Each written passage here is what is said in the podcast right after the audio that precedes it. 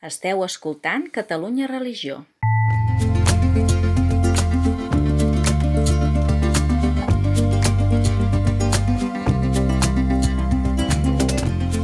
Converses en la frontera, un podcast de Gabriel Jaraba i Xavier Morlans.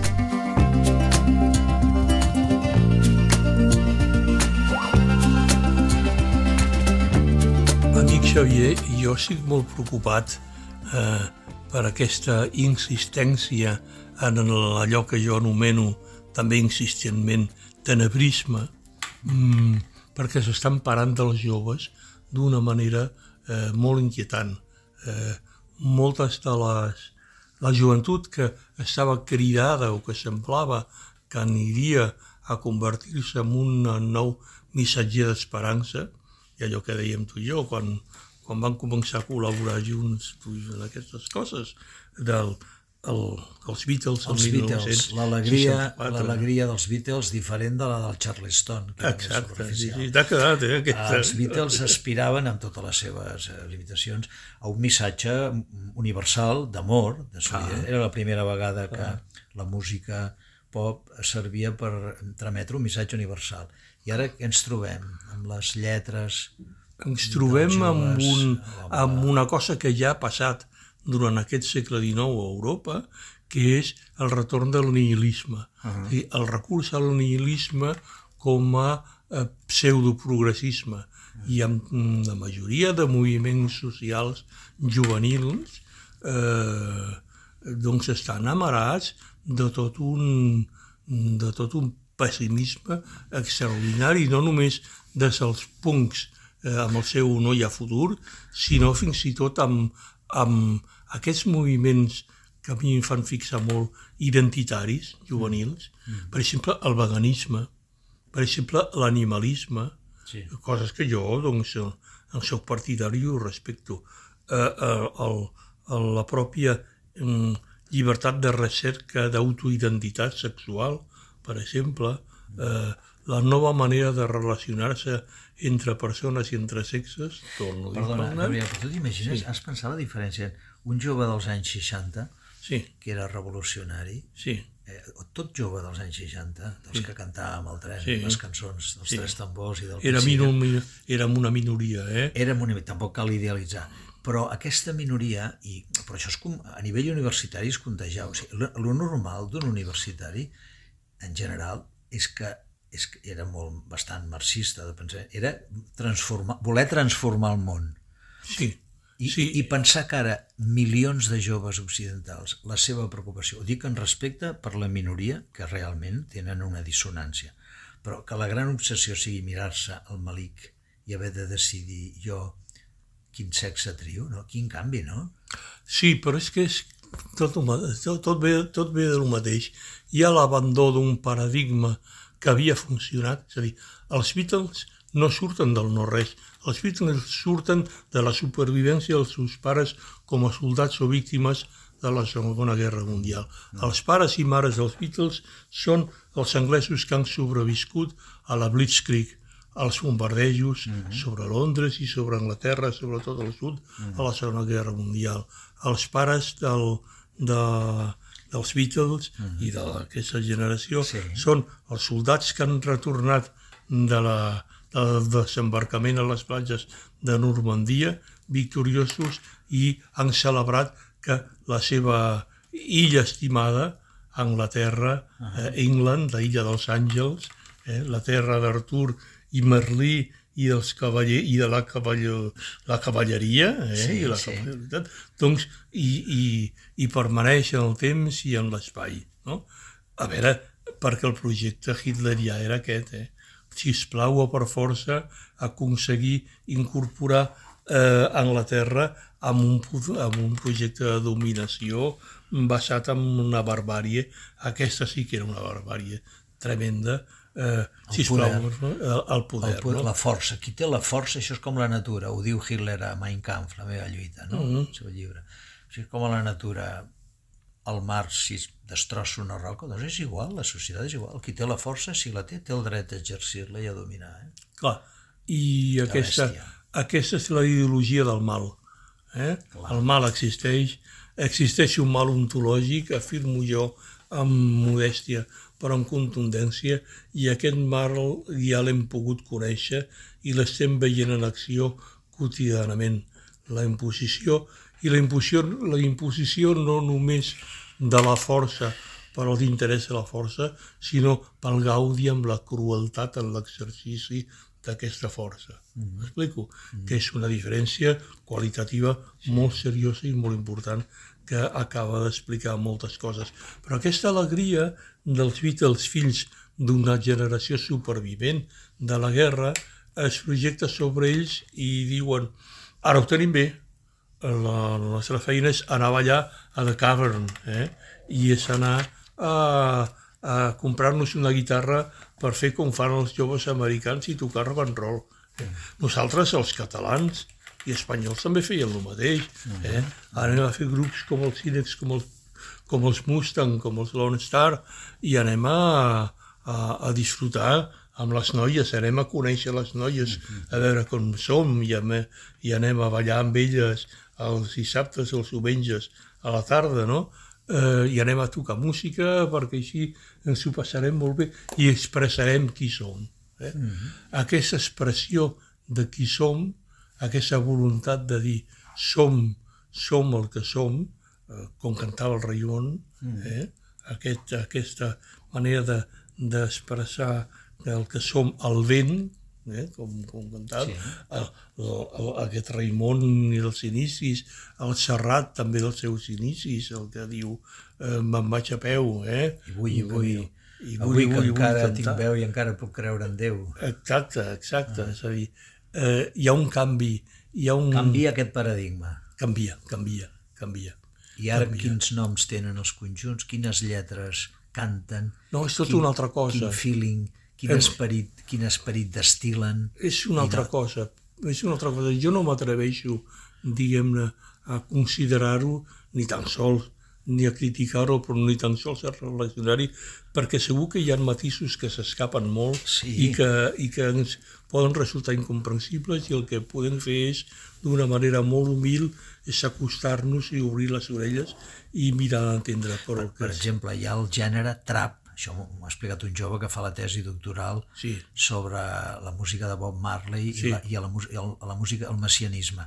Després del rap hi ha el trap, uh mhm. -huh. que és una música que la fan els més, els més tirats, el més lumpen, uh mhm. -huh. i que d'alguna manera canten la pròpia condició pecadora.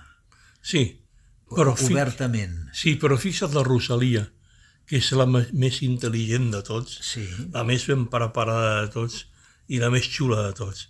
És a dir, la Rosalia, que sap molt bé el que es fa des del primer moment, eh, és el meu ídol, eh? Ja, ja, ja ho veig, ja ho veig. Que... Jo no dic Rosalia, és, Rosalia és Mick Jagger, eh? Uh -huh. eh? eh ho agafa i li dona la volta.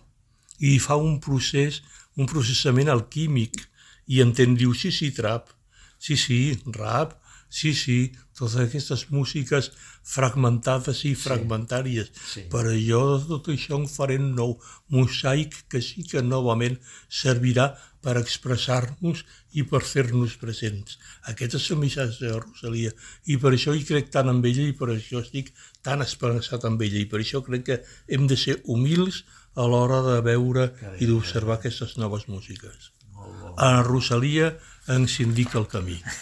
molt bé, molt bé. No, està molt bé aquesta actitud, que no semblem uns iaios, que tot i que, tot, tot i que ho siguem, eh? tot i que ho siguem, però criticaires de tot el que és jove. Però sí que ens preocupa els índexs, i sense fer alarmisme, els índexs de suïcidi d'adolescents, el, també, sense fer moralisme, però això són com creix l'accés a la sexualitat a través del porno, i a partir dels 11-12 anys i com s'associa la sexualitat a la violència i, i, i s'exergeix perquè vull dir les violacions en grup de menors amb una noia això és una, és una realitat, no? Tot això va lligat, eh, junt amb el bullying o l'assetjament escolar, eh, mm -hmm. i moltes més coses, eh, i moltes més coses que podríem eh, afegir-hi. En algun altre moment vaig dir, eh, arribar un moment en què, en què mirarem eh, els problemes relacionats amb la cultura audiovisual i digital d'avui dia a la mateixa condescendència que ara mirem el com ens inquietava, ens preocupava Bola de Drac. Sí. Mm, a veure, arribarà un dia que ho mirarem d'això amb una altra perspectiva, mm, però mm, de manera diferent. Per exemple, el problema no és el problema dels adolescents amb els telèfons mòbils, és el, és el problema dels pares. Dels adults, clar, Clar, som els adults mira els com, primers. mira com utilitzen els adults els seus propis grups de WhatsApp. Eh? És a dir, els adults han renunciat a la lectura de la premsa, al seguiment dels programes informatius, eh? i són ells els primers que s'han submergit en una cultura de la inanitat i la frivolitat informatives a la qual les criatures no han fet res més que seguir el traç al darrere. Què és que volen? Que siguin els nanos els que vagin pel davant donant clar. exemple de que cal fer? No, no. Els nanos, és a dir, que fan, que deia el, el, aquell refrany, que fan els infants el que veuen fer els grans. Fer els- A més radicalitat, encara. Exacte. I aleshores aquesta, mm, aquesta ideologia, i, li, i ho dic amb el sentit, diguem-ne, marxista de la paraula, Sí. eh, perquè és una concepció del món, del tenebrisme de la, i de la desesperança es va extenent paulatinament per tot l'espai eh, social.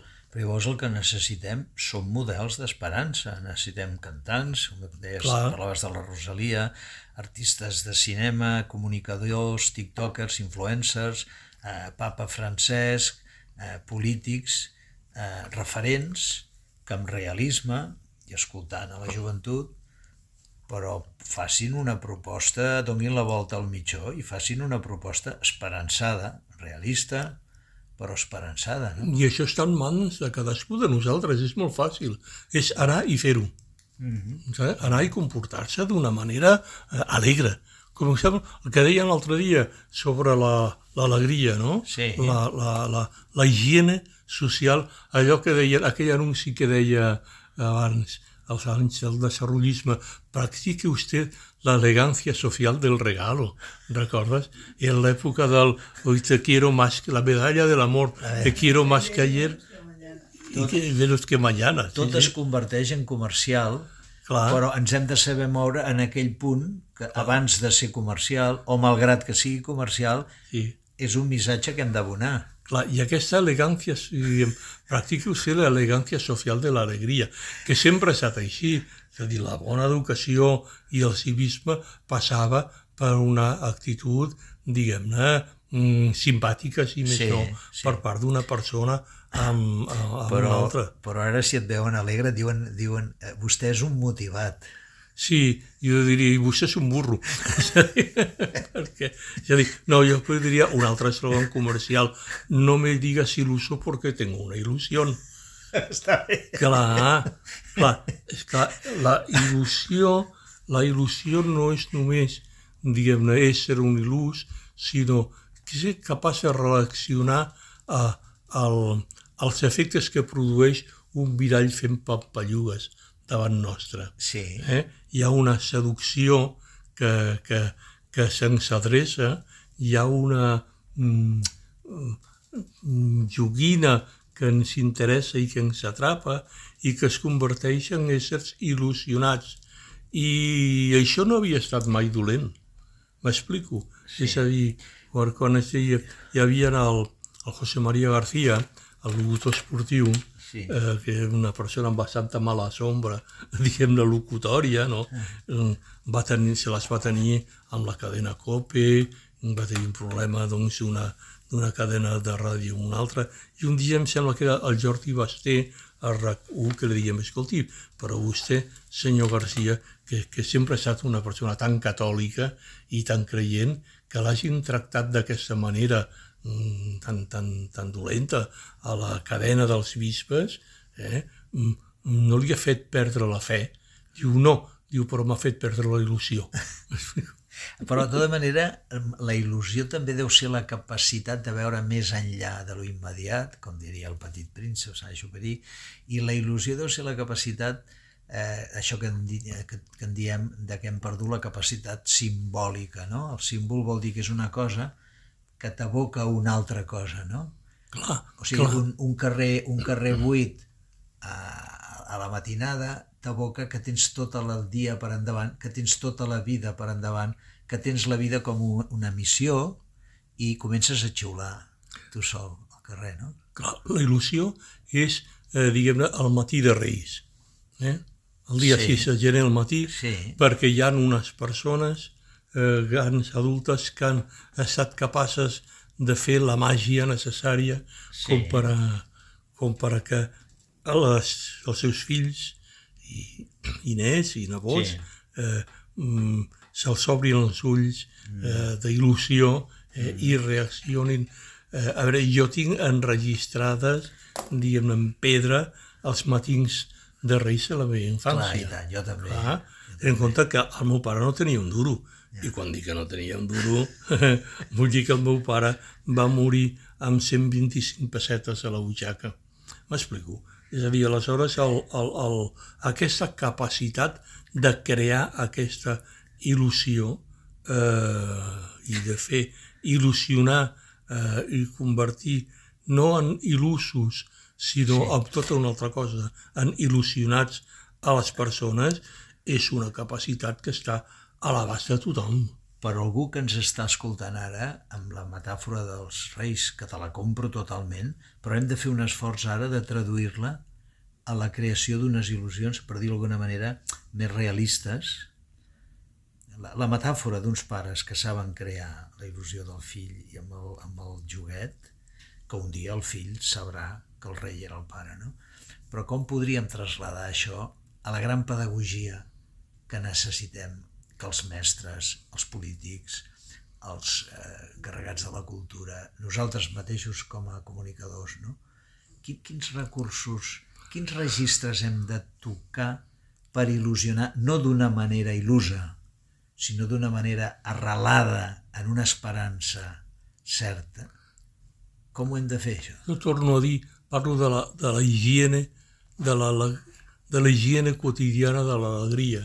Mm -hmm. eh? Practique vostè l'elegància social del regalo, és a dir, fent, fent, fent, fixant-nos i fent fixar amb eh, els motius i els punts a on s'amaga l'esperança en el dia a dia. D'acord? Hem de ser, com un buscador de bolets, uns buscadors, que és el que han fet els poetes, el que ha fet el Salvat Papaseit, no? allà eh, canta de nit eh, guardant llenya al port i, i, i d'un petit fanal ja ja hi veu allà tot un, tot un tresor, no? Clar, amb el salvat, eh, si, si apareix en plena, en plena, diguem en tot el seu esplendor, aquesta capacitat d'il·lusió i en les seves poemes de Nadal està eh, el poema de Nadal que cantava un altre personatge que hem de reivindicar, que és el Martí Llaurador, el primer cantautor català que va posar música i va enregistrar poemes de Salvat Papaseit.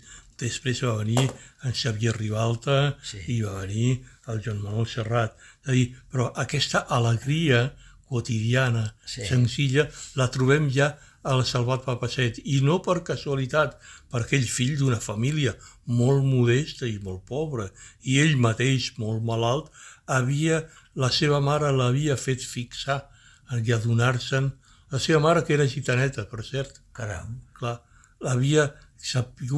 en, en, endollar-lo en aquesta tradició de la de l'herència espiritual que en aquell moment encara encara hi, en, encara dit- hi mantenien. Has dit la paraula espiritual i ara, ara jo faig de capellà en el nostre diàleg, però intueixo, i això ho he trobat en diversos autors, com és el tema dels, dels negres espirituals, darrere d'una un, tradició eh, on hi ha l'alegria dels humils, eh, darrere hi ha, hi ha, hi ha cristianisme, hi ha, hi ha religió.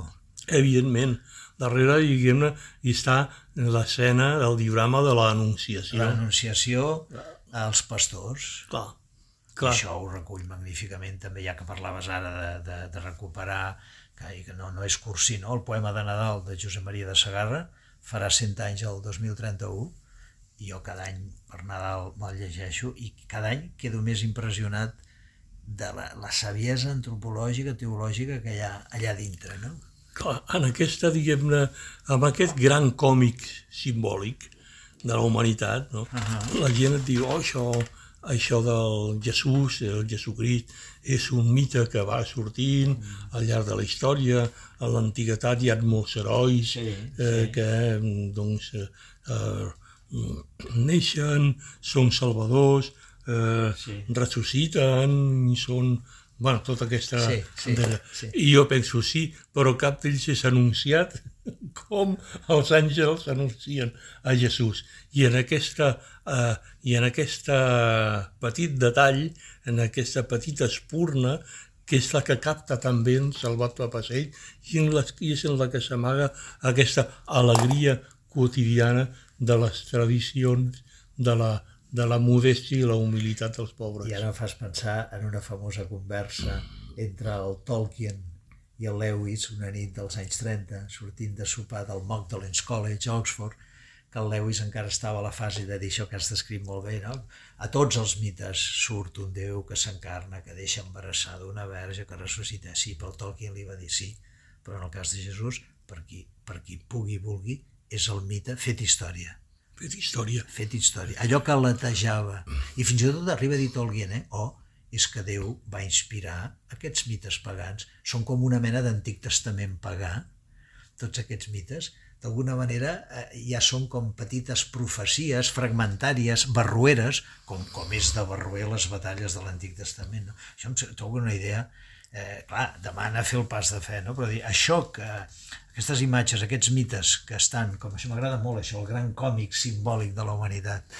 En aquests mites, eh, nosaltres, els cristians, creiem que en Jesús de Nazaret el mite s'ha fet història, no? I a més a més, el relat de Lluc, la finor amb què Déu, a través de l'àngel, li demana a Maria, a, a, literàriament, amb un anàlisi fenomenològic literari d'un ateu, si ho compares amb Zeus, que deixa embarassades a través d'una ploja d'or sense demanar permís, hi ha, hi ha, hi ha una diferència. Hi ha una diferència. Zeus és un, és un bèstia i és un burro. És a dir, eh, compte, diguem-ne, cap savi oriental hindú-budista se li hagués acudit proposar un semblant figura, m'explico? És a dir, jo considero que aquesta, això que deien Tolkien, de que aquesta, diguem-ne, precursivitat d'aquesta ancestralitat dels fills blancs s'estén a tota Àsia. A, to, a tota Àsia, passant per l'antiga Pèrsia i el zoroastrisme. Sí. I tot el... És a dir, jo, jo crec, pel poquet que he llegit sí. i per el que vaig pensant, mm, hi ha, a l'antiga Pèrsia hi ha una llavor mm, espiritual molt important sí, sí. d'aquesta precursivitat, no? Sí, sí, sí, I sí, això, sí. però tot dia estàs llegint avui dia el, el Buda històric o el que ens ha arribat d'ell eh, i sobretot els, els seus comentaristes que ja són filòsofs moderns com l'indi medieval Nagarjuna. Eh, Nagarjuna és mil vegades superior a Hegel eh, i dius, ostres, és a dir, tenim una antiguitat clàssica pròpia que mm, és perfectament connectable amb el, amb el cristianisme, no? I que, i que no és de cap manera sobrer mm, buscar-hi o, o reconèixer aquesta capacitat, diguem-ne, de, de, de precursivitat, perquè altre gall ens cantara si haguéssim estat capaços de preservar aquesta saviesa antiga Que ara retorna sota maneres més comercialoides, eh, havent eh, estat eh, incapaços de rescatar-la com volia Romain Roland, per exemple, ah. però com volia també Rabindranath Tagore, del, cap al servei d'aquesta eh, Europa federal dels cors a la qual aspirem. En tot cas, de cara als joves, que ha estat el motiu inicial de la preocupació que has expressat molt viament, ara que ja s'han encès els llums de Nadal als carrers de la ciutat i que estem a punt d'entrar el temps d'advent, bueno, un relat il·lusionador sempre és poder agafar l'inici de l'Evangeli de Lluc i veure l'alegria dels pobres. Els pastors eren els gitanos, eh? Nosaltres tenim aquesta imatge idíl·lica del pastoret, però els pastors eren el lumpen proletariat que robaven tot el que podien i, tal. i a aquests se'ls hi apareix l'àngel. Aquí també Ah, hi ha aquest, un missatge que l'hem desactivat, Clar, que l'hem burgesat clar. i que us convidem eh, a reprendre aquestes lectures com les dels clàssics que deies, hem començat a recomanar el, el Quixot i, i, i Dant i tot això, però també doncs acabem amb aquesta recomanació. I tant que sí. I, i mirant, mira, a veure, com ho diria jo, aquest estel de Nadal, Ah. eh? és a dir, que els, els reis mags eh, són els patrons benaurats dels astròlegs. Sí, eh? encara avui dia, no? Aquesta capacitat de veure-hi signes de futur i d'esperança amb la creació mm, és una capacitat que hauríem de, de preservar i que la tenim a l'abast pels nostres modestos i de vegades tristos carrers amb la il·luminació de Nadal. Simplement si mirem hi ha una bombilleta que llueix de dir com aquella és que deien amb Jesucrist, no? Ah, mira com gasten en perfum eh, mentre ho podien donar als pobles, eh, als pobres. pobres. Diu, mira com gasten eh, mentre que podien estalviar diguem, per al canvi climàtic i està molt bé que hi hagi llums a Nadal que indiquin i que apuntin cap al cel i no cap a la foscor de la terra. moltes gràcies. Fins la propera. Fins a propera.